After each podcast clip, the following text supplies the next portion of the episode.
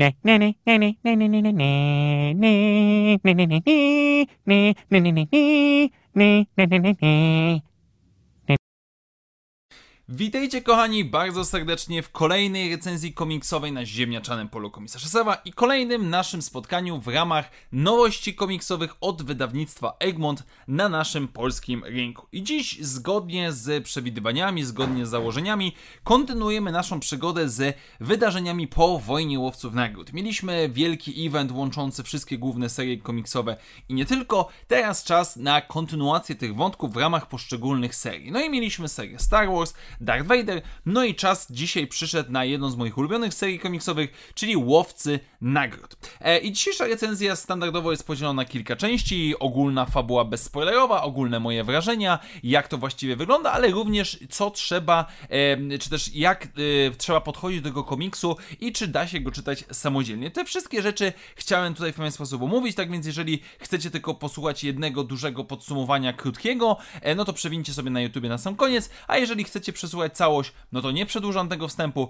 i zacznijmy nasze dzisiejsze spotkanie z łowcami nagród.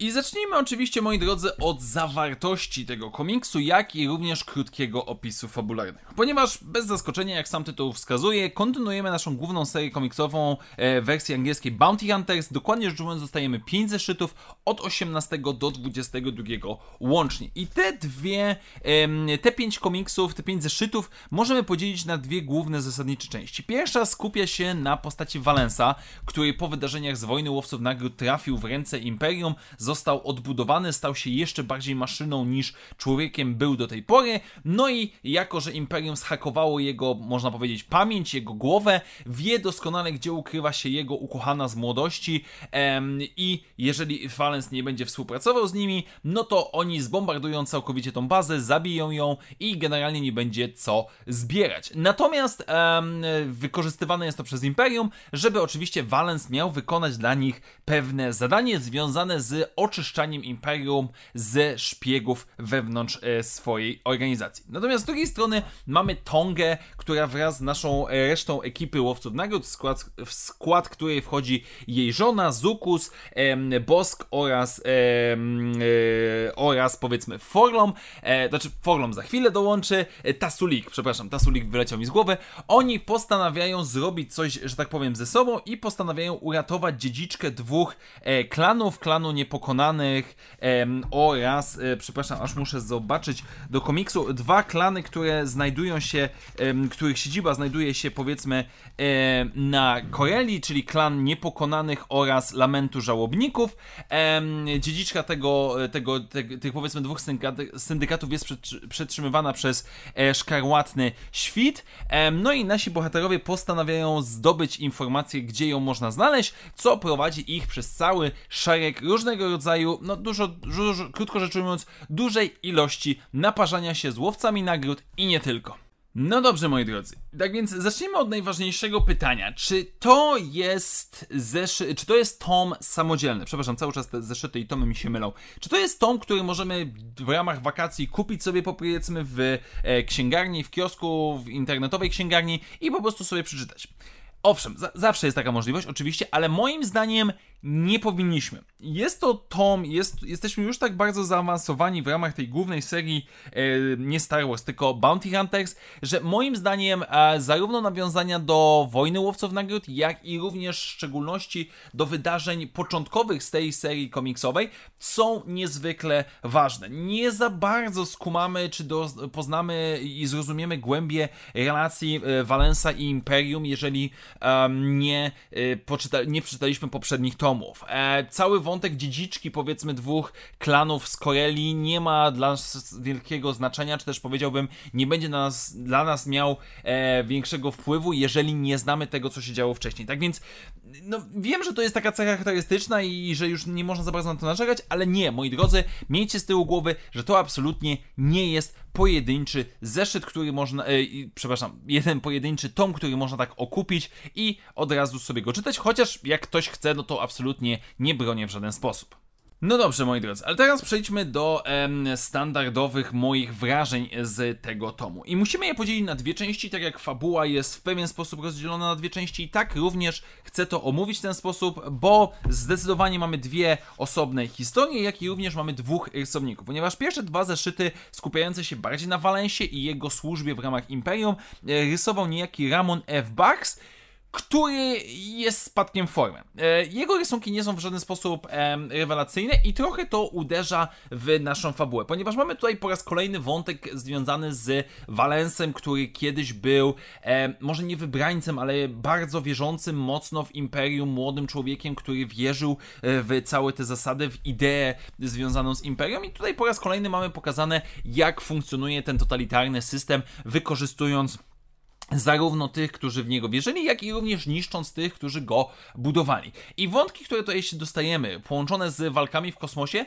są, powiedziałbym, przyjemne. To nie jest nic odkrywczego, ale mamy tutaj pewnego rodzaju głównego bohatera, który jest e, trzymany e, na muszce, no bo informacje o jego ukochanych, o jego bliskich e, znajdują się w rękach Imperium i w każdej chwili mogą być wykorzystywane, żeby ich zabić, więc Valens musi w tą stronę podążać. Nie jest to jakoś bardzo oryginalne, ale jest to całkiem solidnie zrealizowane. Mamy poczucie rzeczywiście tej duszności, tego przygniecenia systemu totalitarnego, jakim jest Imperium, e, ale te rysunki, no będę troszeczkę na nie kręcił nosem, bo one nie są w jakiś sposób moim zdaniem szałowe. Na szczęście, na następne trzy zeszyty, od 20 do 22 włącznie, wraca Paolo Vinarelli. To jest generalnie rysownik, który moim zdaniem jest absolutnie stworzony do tej serii komiksowej. Bo z jednej strony dostajemy historię e, inspirowaną różnego rodzaju klimatami. Mamy poszukiwanie Forloma, bo tak jak wiemy z jeszcze jednego zadania, to był tom w ramach Wojny Łowców Nagród, e, Forlom został w pewien sposób zhakowany, e, no i teraz nasi, nasza ekipa próbuje go odnaleźć w klimacie nieco obcego, można by powiedzieć, ponieważ trafiają na opuszczony statek, który jest uu, tajemniczy, ciemny i tak dalej. No a później przybywają na Korelię, żeby pojmać nową przywódczyni e, klan, klan, klanu niepokonanych. No i tutaj dostajemy to, co jest najlepszą częścią moim zdaniem serii komiksowej Bounty Hunters. Wyobraźcie sobie bowiem film akcji z lat 80., 90., coś typu, powiedziałbym, niezniszczalny, gdzie grupa badassów rzucających one-linerami przebija się przez absurdalne ilości przeciwników, wykonując jakieś zadanie. I właśnie to tutaj dostajemy. Jasne, mamy te zawiłości, jakieś e, intrygi polityczne, na chwilę pojawia się Kira nawet, ale to nie ma aż, to znaczy to ma znaczenie, jak najbardziej ma znaczenie, ale największą radochą jest po prostu patrzeć, jak nasza ekipa przebija się przez Korelię i niszczy wszystko po swojej drodze, byle tylko wykonać zadanie. I to jest ten moment, gdzie z jednej strony kreska, jak i również fabuła łączą się w pięknym tańcu, który daje nam, moim zdaniem, a przyjemność, który daje nam właśnie tą czystą adrenalinę. Co by było, gdybyśmy wzięli największych łowców nagród w galaktyce, czy największych badasów, połączyli ich razem, niech oni się kłócą, a jednocześnie wybijają całe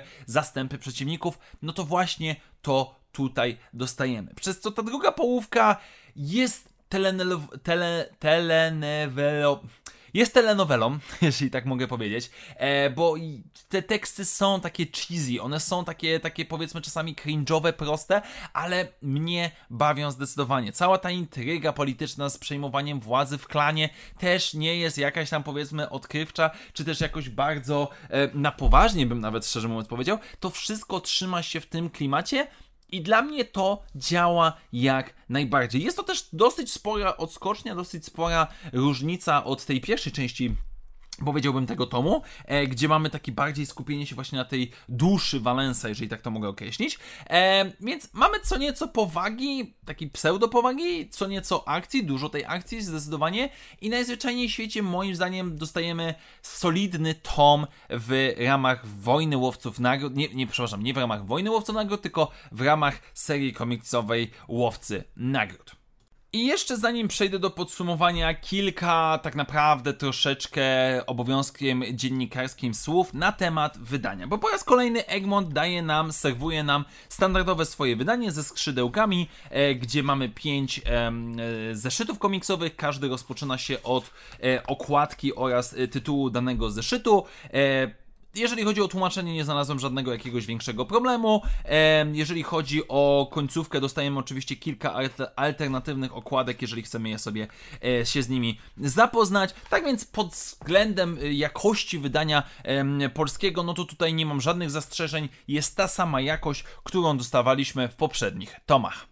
Tak więc, moi drodzy, ci z Was, którzy przesłuchali całość i ci z Was, którzy przybyli dostać krótkie podsumowanie, jak wyglądają moje wrażenia z szkarłatnych rządów łowcy nagród, jak i również czy warto kupować ten tom. Generalnie rzecz ujmując, jeżeli poprzednie tomy tej, tej serii komiksowej, e, wypełnionej akcją, testosteronem, naparzaniem się i tak dalej, wam podchodzą i lub lubicie wątek Valensa, który w jakiś sposób cały czas zmaga się z Imperium, no to moim zdaniem warto nabyć ten tom. Zdecydowanie również podkreślam i zaznaczam, że warto na pewno przeczytać, a nawet i przypomnieć sobie poprzednie tomy, jak i również wydarzenia z Wojny Łowców Nagród, żeby wyciągnąć wszystkie jakieś detale, ciekawostki i różnego rodzaju elementy, które tutaj dostajemy. Jednocześnie sam tom kończy się w dosyć sposób otwarty, pokazujący nam, że no seria komiksowa jeszcze cały czas em, wychodzi, tak więc nie jest to absolutnie zamknięta historia, jest to coś, co będzie kontynuowane. Więc jeżeli lubicie filmy akcji w wersji komiksowej,